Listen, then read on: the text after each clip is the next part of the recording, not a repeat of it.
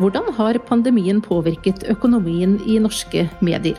Hvordan var utviklingen i brukerinntekter og annonseinntekter i 2020? Og er det forskjeller mellom ulike typer medier når det gjelder lønnsomhet? I dagens utgave av Den norske mediepodden skal vi dypdykke i medieøkonomien.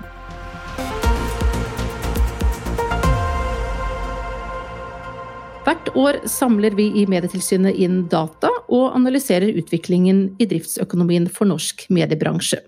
Både for det siste året og i et femårsperspektiv. I år har vi i tillegg laget en egen rapport som ser spesielt på de økonomiske konsekvensene av koronapandemien det siste året.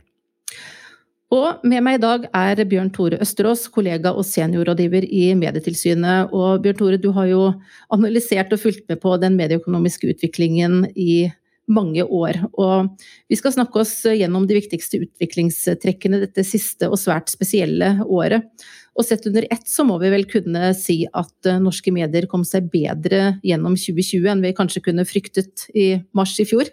Ja, så definitivt. Eh, det var jo slik at Inntektene falt mye mindre enn det man hadde fryktet. Og lønnsomheten ble mye bedre enn det noen hadde trodd i det hele tatt.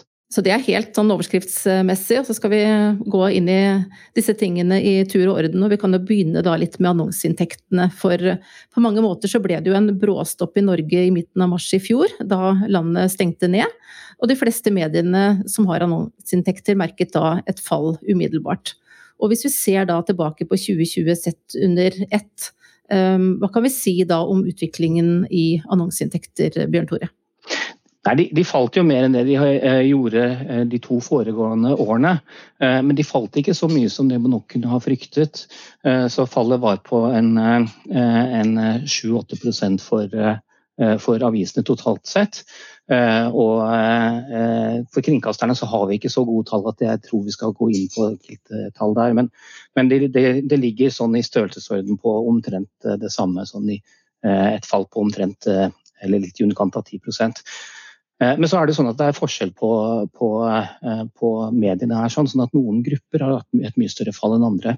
Det er særlig lokalaviser og lokalkringkastere som har mistet mye annonseinntekter så har det jo vært en eh, langsiktig trend med fallende annonseinntekter også før pandemien. Og i hvilken grad har pandemien eh, spilt inn her, eh, når vi ser på tallene for i fjor, tror du?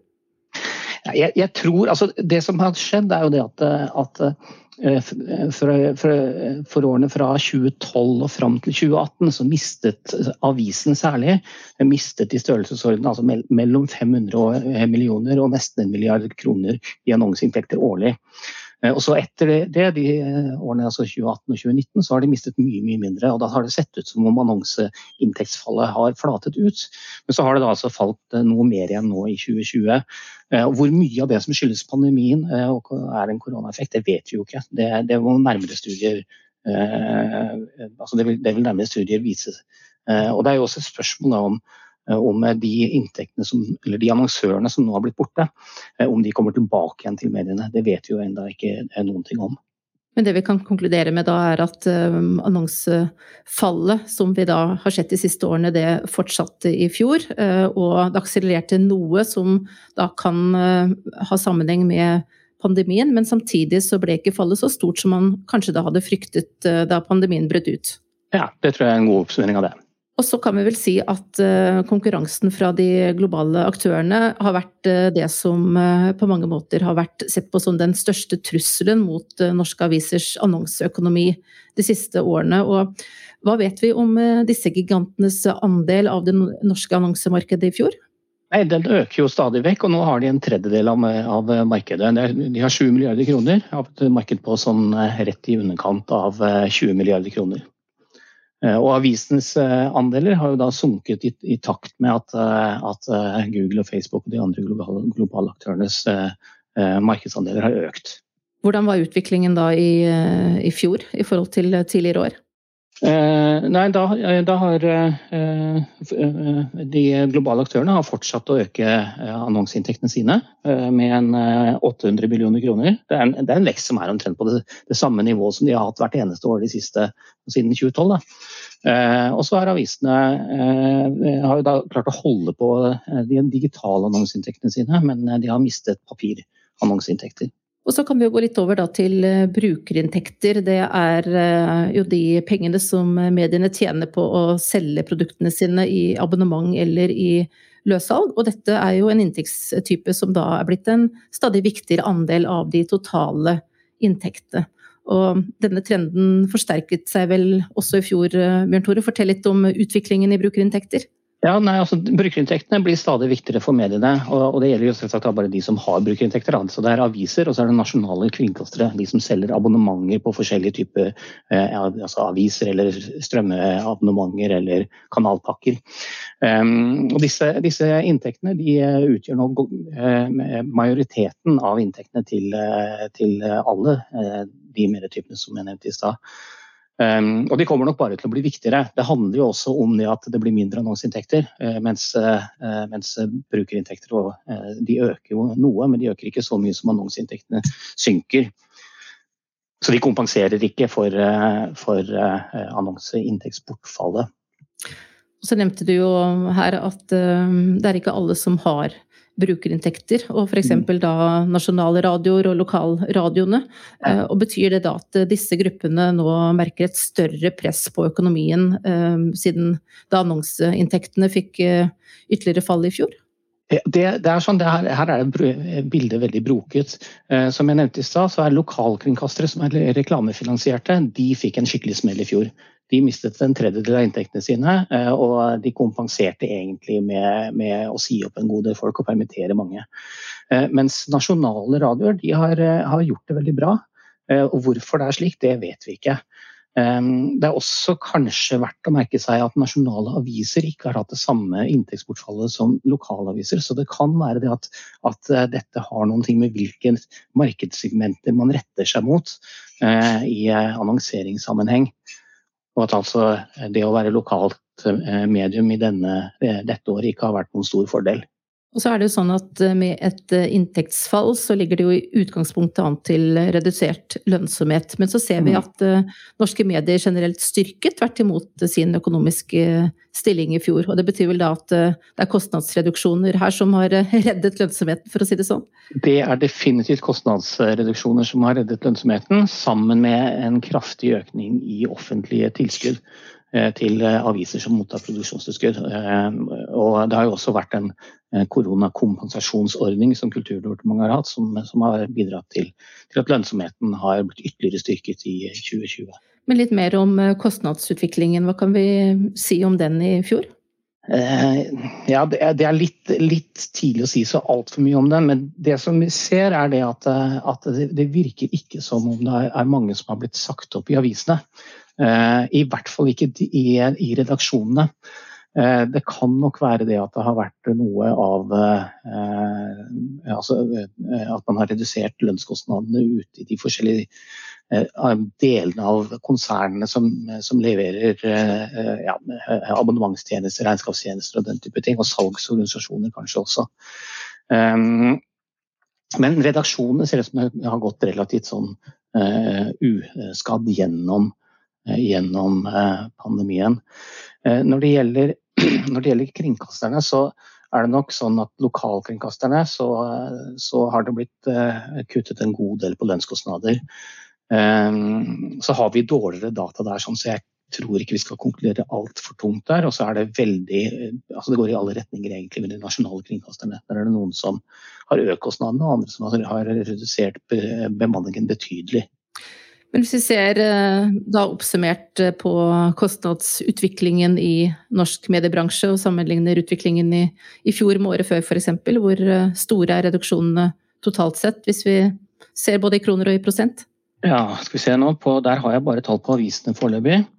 Og driftskostnadene de har blitt redusert med en uh, to, 3 så det er i størrelsesorden 300 millioner kroner. Ser vi også her forskjeller mellom de ulike typer avisene? Ja, altså det ser ut som eh, om nasjonale igjen, nasjonale aviser og lokale aviser tar hver sin eh, retning her. sånn. Eh, de lokale avisene de kutter kostnadene, eh, også i 2020, eh, mens de nasjonale avisene har økt kostnadene. Eh, hva som er forklaringen her, er jo ikke så, det er ikke så godt å si, men det har jo ofte noen ting med inntekter å gjøre. altså At kostnader blir tilpasset til inntekter. Og så kan det være det at, at eh, lokalavisene har eh, vært mer redde for å miste eh, annonseinntekter og dermed kuttet mer, fordi at lokalavisene ofte har en høyere andel av eh, altså at annonseinntektene utgjør en større andel av de totale driftsinntektene deres. Og Når man da ser at annonseinntektene blir borte, så gjelder det å kutte i kostnadene.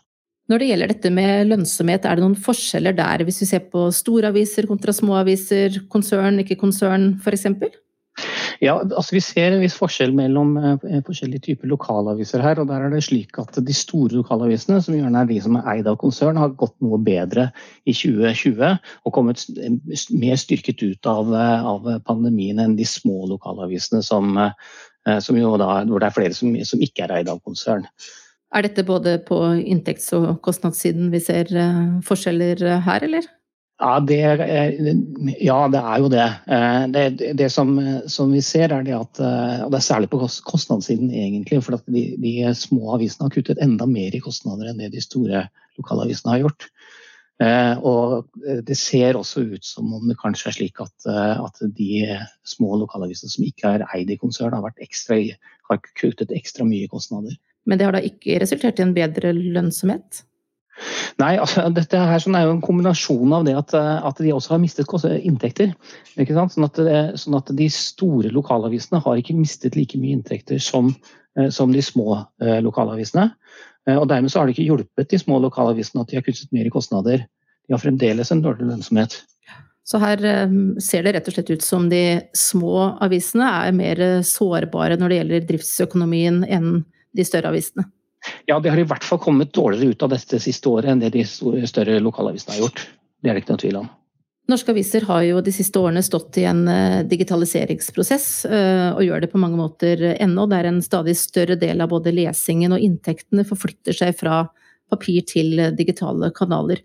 Og hvis vi ser på tallene for fjoråret, Bjørn Tore, eh, hvor stor andel av avisenes inntekter er det nå som kommer fra de digitale produktene? Eh, det varierer veldig fra, fra type, mellom de forskjellige typene aviser.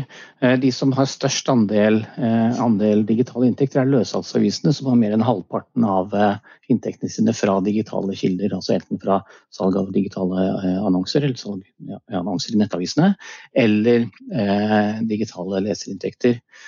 Og så har du de større, altså de store lokalavisene, og de har sånn mellom en tredjedel og 40 eh, av inntektene sine fra, eh, fra, digitale kilder.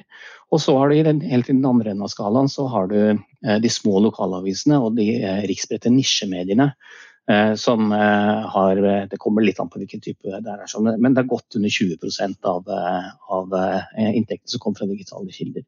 Så det betyr Bjørn Thor, at det er en del, da særlig kanskje av lokalavisene og disse nisjeavisene, som fortsatt har et godt stykke å gå når det gjelder eh, dette med å digitalisere?